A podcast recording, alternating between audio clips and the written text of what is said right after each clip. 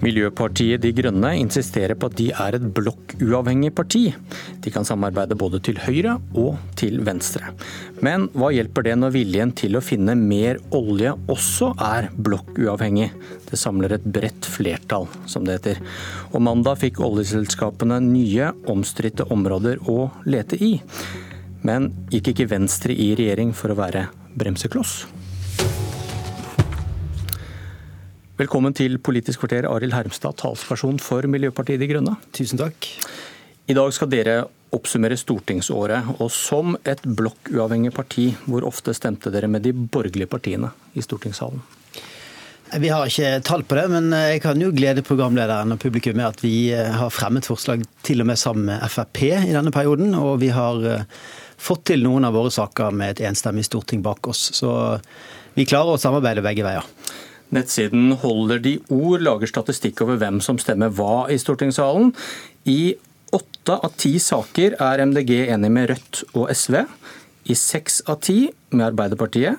I fire av ti med KrF. Og dere er enige med Høyre og Frp i rundt to av ti saker. Jo lenger til venstre man kommer, jo mer enig er MDG. Jeg tror at Forklaringen handler jo mye om hvem som sitter i regjering for øyeblikket, og at vi eh, er i opposisjon til den rådende politikken som regjeringen fører. Du, du fikk med deg mønsteret her også, at det var jo mer Rødt, jo mer enige er dere? Altså, Vi stemmer for de eh, sakene som vi er for. Eh, og vi har jo merket oss at miljøopposisjonen på Stortinget den befinner seg i øyeblikket ikke i regjeringen, men i de partiene som ligger på venstresiden i politikken. Og Det er jo en liten bevegelse som vi har sett nå, er at eh, også Arbeiderpartiet har fått en litt bedre miljøprofil. Det er langt fra det som trengs, men på, vi ser i hvert fall tegn til forbedring. Men dere er mye oftere enige med Rødt enn med Senterpartiet, KrF, som er utafor regjering, og de som da sier at dere er en politisk melon, grønn utenpå, røde inni. Denne statistikken gir dem vel litt rett? Jeg vil ikke gi de helt rett. Vi sitter også i, i, mange kommunestyrer rundt omkring i landet, hvor vi samarbeider også til høyresiden. Eh, og vi, eh, jeg tror det viktigste svaret er at vi i dag er i opposisjon til den regjeringen vi har, eh, og at da stemmer vi som regel ofte likt med andre partier. Men det er også viktig å si at det hender jo mange ganger at det er de som støtter våre forslag, og at det kan like gjerne være det at de ønsker å skjerpe sin miljøprofil, som at vi ønsker å lime oss til de. Ok, til det. Du har sagt at MDG må samarbeide med Arbeiderpartiet hvis Frp fortsetter i regjering. Det er det eneste partiet dere sier nei til pga. Eh, miljøpolitikken deres. Og dere har sagt nei til mer oljeleting, kanskje den mest profilerte og viktigste saken deres. Mandag denne uken fikk oljeselskapene nye områder å lete i, som en del av den 24. konsesjonsrunden. Eh, hva er sjansen for at MDG hadde fått Arbeiderpartiet til å snu helt og si nei til dette? Vi, eh, vi, mener at eh, oljepolitikken er den viktigste politiske saken og den viktigste miljøsaken for Norge. For her låser vi norsk eh, næringsliv til en fossil kurs som kommer til å vare lenge etter at vi er nødt til å løse klimaendringene. Det kommer til å låse norsk økonomi i feil retning. Og vi tror at for øyeblikket så er sjansen for at Arbeiderpartiet kan snu seg i oljepolitikken, den er litt større enn at høyresiden kan gjøre det. Men rett og slett fordi eh, Frp er mm, et parti som ikke har noe som helst sans for eh, miljøargumentet når det gjelder olje. Eh, hvor, hvor, tar du det fra når du sier at det er større sjanse for at Arbeiderpartiet kommer til å snu i synet på oljeleting, at de ville sagt nei til 24. konsesjonsrunde?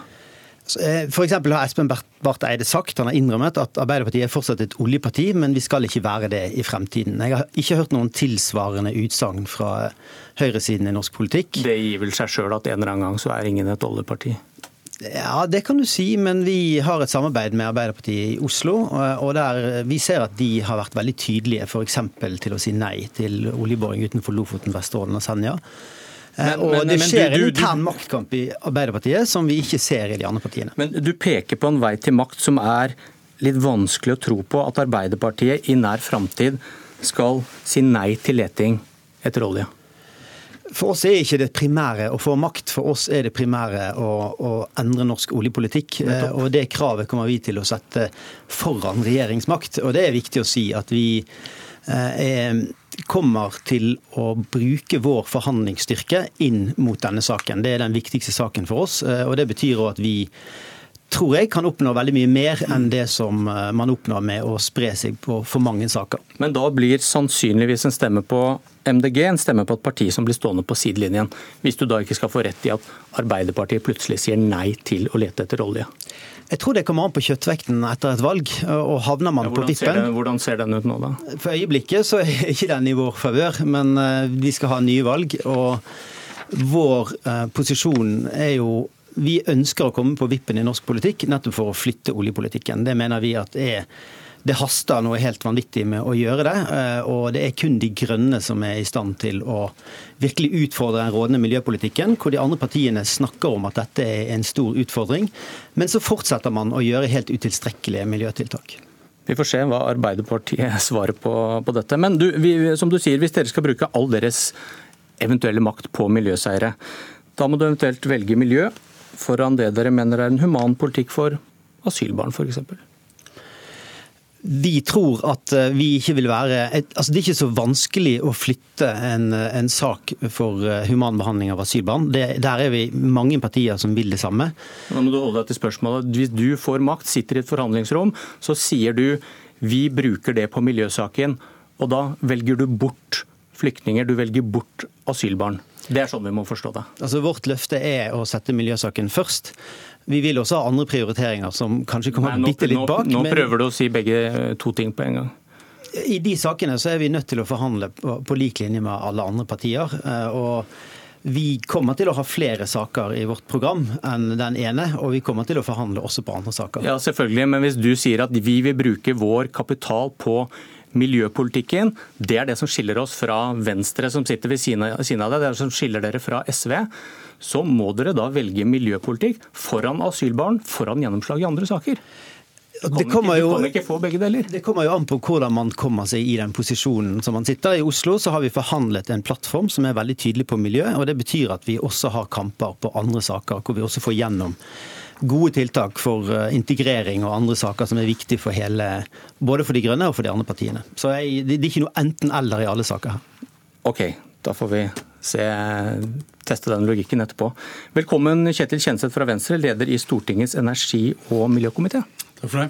På mandag fikk altså oljeselskapene nye blokker i Barentshavet for å lete etter olje og gass fra din regjering.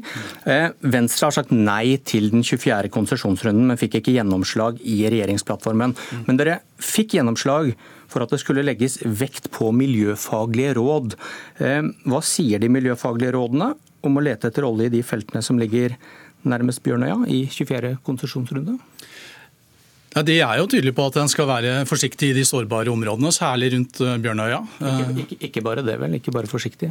Hva sier de? De sier jo at, at, vi ikke skal gå inn i de områdene. Det her gjelder jo også rundt iskanten.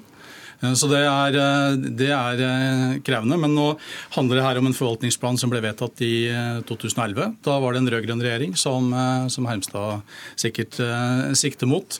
Det var et stort flertall, men også Høyre og Fremskrittspartiet stemte jo for den. Og den ble revidert av den forrige borgerlige regjeringen, så den Høyre- og Fremskrittspartiregjeringen, i 2015.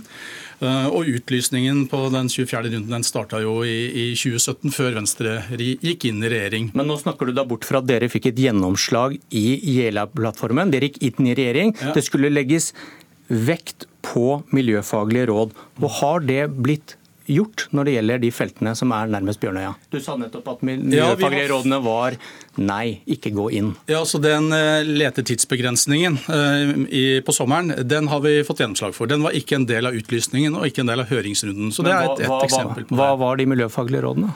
De, øvrige, det er jo å, å, ikke gå eh, nærme Bjørnøya. Men hva gjør dere? Eh, vi går, To blokker er utlyst eh, for nært Bjørnøya. Så dere bryter regjeringsplattformen? Vi, nei, vi bryter ikke regjeringsplattformen. for De miljøfaglige rådene er ikke innarbeida i, i den forvaltningsplanen fra, fra, 2011 i den grad. Det er, Du annonserte oss som en bremsekloss, men vi skal være fartsholder. Og Den neste forvaltningsplanen den kommer i 2020, og den er det vår minister som har hånd hånd om. Men du, Da blir det semantisk vanskeligere. Hva betyr da å legge vekt på miljøfaglig råd hvis Miljødirektoratet, Polarinstituttet, sier ikke åpne for oljeleting i disse områdene som ligger nærmest Bjørnøya? Ja og så gjør dere det likevel, med ja. Venstre i regjering. Ja, da er det, vel et brudd på plattformen? Nei, det er ikke et brudd på plattformen. Her kommer vi seint inn i en forvaltningsplan som gjelder fra 2011 Men fram til 2020. Dette gjelder jo 24. konsesjonsrunde, det dere har fått ja. gjennom i eh, Jeløya-plattformen? Ja, det gjør det. Og det må vi innrømme. Det er krevende å være eliteparti, og eh, du får ikke gjennomslag for alt. Men da er det et brudd på plattformen? Et brudd på plattformen? Nei, det vil jeg ikke si at det er. For vi skal legge vekt på miljøfaglige råd. Vi har fått inn noen miljøfaglige råd i sluttspurtene, innspurten av den utlysningen som ble lyst ut i 2017, før vi gikk i regjering. Så det, Den største kampen har vi foran oss. Den gjelder fra 2020 og en ny forvaltningsplan og inn i den 25. konsesjonsrunden. Okay. Så det er framover. Vi skal være fartsholder for framtida. Det er lite mulighet å gå inn og være bremsekloss for fortida. Hermstad, hva er forandret i oljepolitikken med Venstre i regjering? Jeg tror vi må sitere Terje Søviknes og si at det er ingen forandring. Den eh, oljepolitikken har ikke flyttet seg en millimeter. Eh, og Søviknes har jo selv sagt at eh, det som står i Jeløya-plattformen, det var allerede innarbeidet i den, den oljepolitikken som har vært ført de siste fire årene. Og, og det syns vi er synd, fordi det er klart at Her er det sårbare områder som man går inn i, som man ikke burde gå inn i. Og I tillegg er det jo økonomisk et sjansespill å bruke så mye av fellesskapets ressurser på å åpne opp disse områdene. Vi vet òg at det er fellesskapet som tar mye av risikoen for den boringen og den utvinningen som skal skje der. Og det, eh, der har jo også Venstre lovet at eh, man skulle få bort denne leterefusjonsordningen, og at det var noe man ønsket å gå valg, til valg på. Og der har ikke det skjedd noe som helst. Fremdeles så får oljeselskapene refundert store deler, 88% av de utgiftene de har med å bore. at du hørte påstanden i starten her. MDG hadde fått til mer hvis de hadde fått makt. Ja, det, det, får de stå for. Eh, nå har de fått til et forbud mot heliumballonger, eh, og det redder ikke verden. Så, og det å være haleheng til SV, som jo eh, opptellingen i Stortinget viser at den er, det, det skaper ikke noen, noen, endring. Så det er et langsiktig arbeid, og det men, må hva, vise resultater. Men, men, men, kan du si noe om hva er forskjell? Dere er to små partier som kjemper for miljø. Hva mener du er hovedforskjellen på strategien? Det, vi går inn og tar kampene. Vi samarbeider, også med Fremskrittspartiet. Eh, men Venstres eh, altså Vi kan bruke elbilpolitikken som et eksempel. Eh, den ble etablert i en mindretallsregjering. Venstre hadde samferdselsministeren, og det er mer enn 15 år siden. Og Skal vi få fasa ut olje- og fossilbruken, så må transportsektoren endres. Det har tatt 15 år i Norge, og så skal resten av verden gjøre det skiftet. Så Vi står foran store endringer. Det betyr at må, det er lange, seige kamper, og vi må vise resultater. Så Elbilkampen er en av de eksemplene. og vi, 10% skogvern er en annen seier for Venstre, som et eksempel på at her går vi inn og tar kampene og får resultater. Pragmatisme. Altså, man tar jo ikke kampen. Han har jo nettopp beskrevet at den kampen om 24. konsesjonsrunde, det var ingen kamp. Venstre hadde tapt på forhånd. Eh, han skryter av elbilsatsingen i Norge. Eh, det han glemmer å si, er at utslippene fra den norske bilparken fremdeles ikke har begynt å synke.